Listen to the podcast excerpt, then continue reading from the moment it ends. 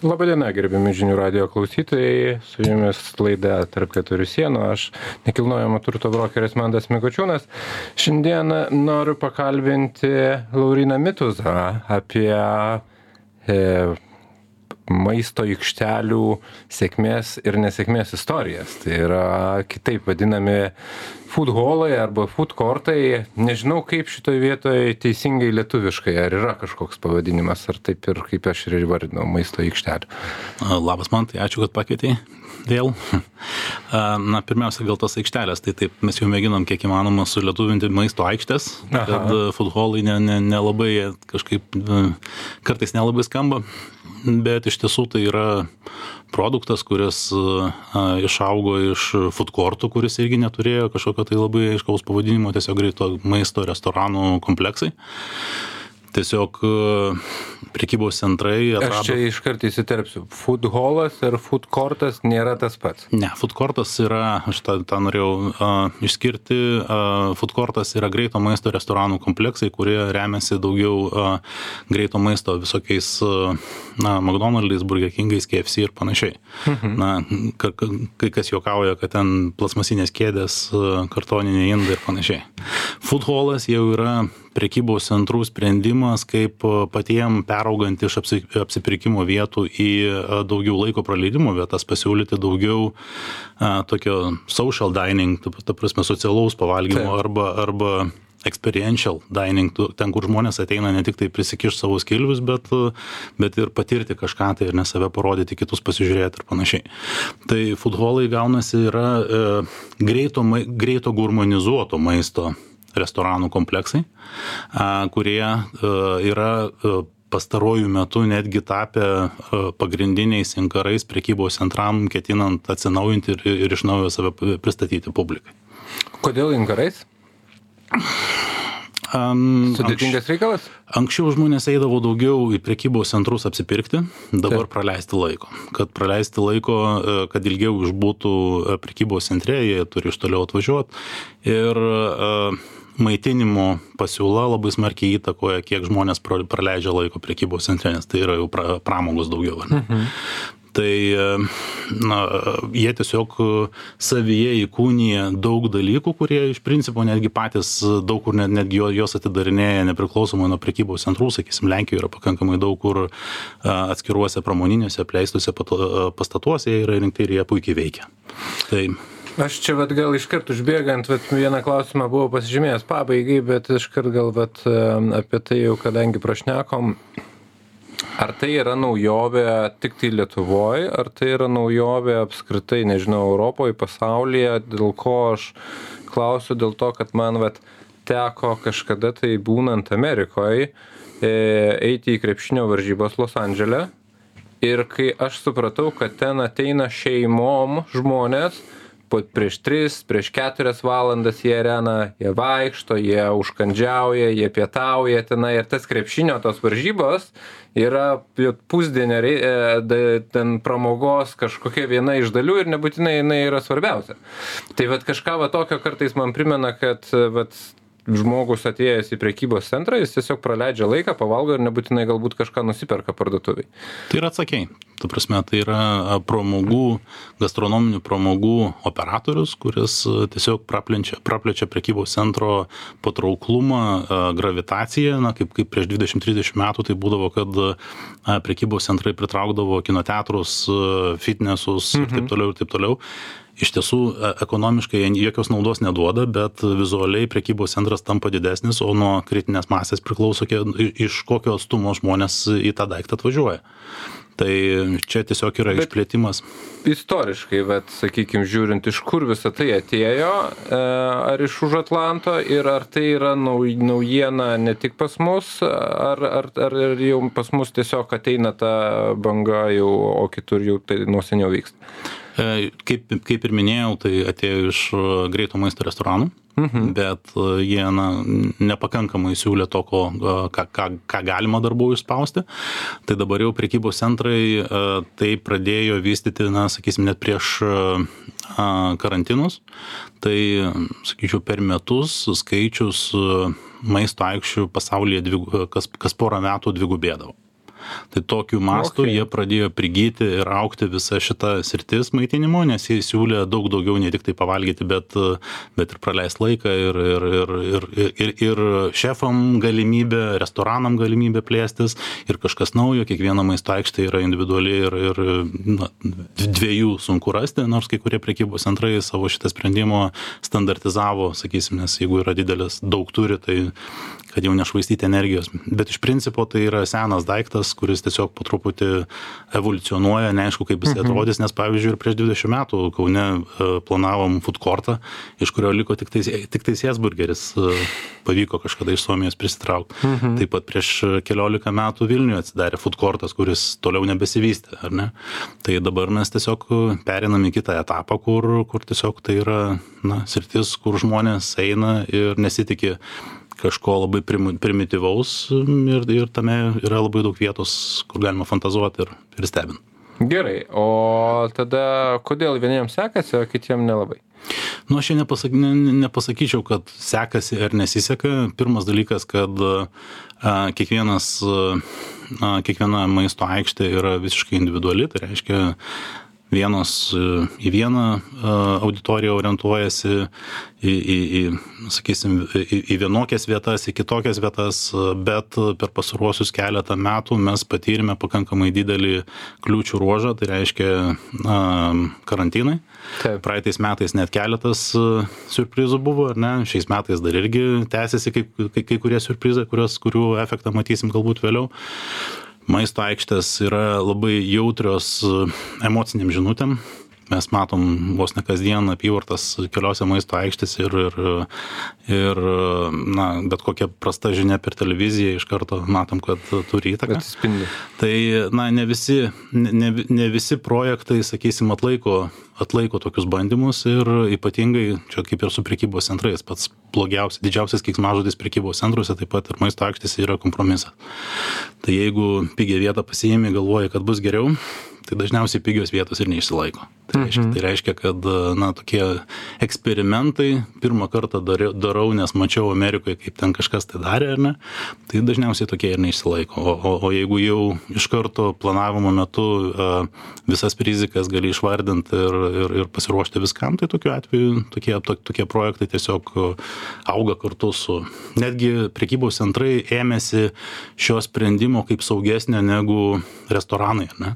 nes pagal a, a, pasak analitikų tarptautinių, kad a, iš atidarytų maisto aikščių tik tai 10 procentų užsidarė, o kas du metus iš naujai atidarytų restoranų užsidaro apie 25 procentai. Kas Tai, tai reiškia, kas. Dešimta. Tai reiškia, kad tai yra daug saugesnis būdas, sakysim, arba toks mo, verslo modelis negu, negu atskiri restoranai.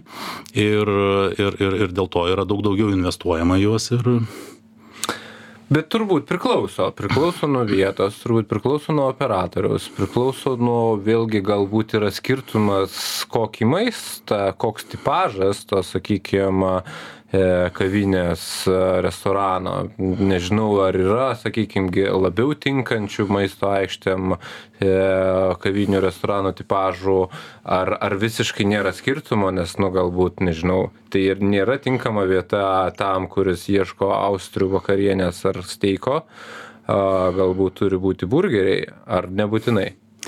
Kiekviena maisto aikštė yra labai individuali. Ir Bet gali būti steikų ir austrių. Tai yra gurmanizuoto greito maisto restoranai, kurie iš principo yra, atrodo kaip greito maisto, yra bendra, bendrai uh, naudojami staliukai, bet uh, patys šefai yra nepras, neprastesni nei geruose restoranuose. Okay. Tai reiškia, kad uh, kai, kurie, kai kurios tos maisto aikštės orientuojasi į ten dirbančių žmonės, tai daugiau pietus bus stipresni, kiti galbūt į, į savaitgalinius lankytojų svečius su vaikais, šunim ir panašiai, treti į, į turistus metus, ketvirtį į, į renginius ir, ir taip toliau, ir taip toliau. Tai reiškia, kad kiekvienas iš jų turi rasti savo formulę. Ir, ir tai jeigu jau kalbėt apie operatorius, tai aš jau suprantu, turi galvoj valdytoją, ar ne? Taip. Tai kuo didesnė patirtis, tai tuo labiau jos gali išskirti. Ne? Mes turim keletą visiškai skirtingų valdom ir, ir na, tada pats, patys apsis, apsisprendžiam, kurioje vietoje mes nenorim, nenorim trinti lyties tarpusavėje. Ne? Mhm. Tai vien, vieni yra daugiau, sakysim, vieta pradėti smulkų verslą ir tai yra daugiau trakeriai, ne, kurie, na, ten daugiau tokia bendruomenė, žmonės patys dirba savo susikūrę vietas. Yra tokių, kur, kur daugiau investuoja tinkliniai kapitalistai, tai ten daug didesnės investicijos, daug aukštesnė, sakysim, lyga mhm. maisto aikščių ir ten visai, visai kitaip jos, jos daugiau investuoja į ateitį. Yra tokių, kad žmonės atsidaro savo kaip antrą darbą, yra bankininkų, kurie turi, kaip sakant, savo dar šeimos versliukų. O hobį, taip. Taip, hobį, bet ant, antras, antras mhm. užsiemimas, kaip sakant, du, du pajamų šaltiniai yra geriau negu, negu vienas. Ne? Okay. Tai va, tai įvairiais pjūviais žiūrint, to nėra dviejų vienodų aikščių Gerai, o pats principas, ar ta aikštė yra prekybos centre, ar jinai yra atskirai individualiai pati savo, duoda didelį skirtumą ir, ir sėkmė nuo to daug priklauso, ar ne? Na, vėlgi, prekybos centre galbūt yra šiek tiek stabiliau, ar ne? Bet, bet maisto aikštės iš savęs yra inkarai. Mhm. Tai jeigu yra pakankama kritinė, kritinė masė ir, ir turi ką parodyti, tai turbūt, kad nedidelis skirtumas, ar, ar tu būsi prekybos centre, ar ne prekybos centre. Čia daugiau prekybos centrui duoda, sakysim, pa, pa, papildomą postumį ir daugiau spalvų tame, mhm. ką prekybos centras gali pasiūlyti lankytojams.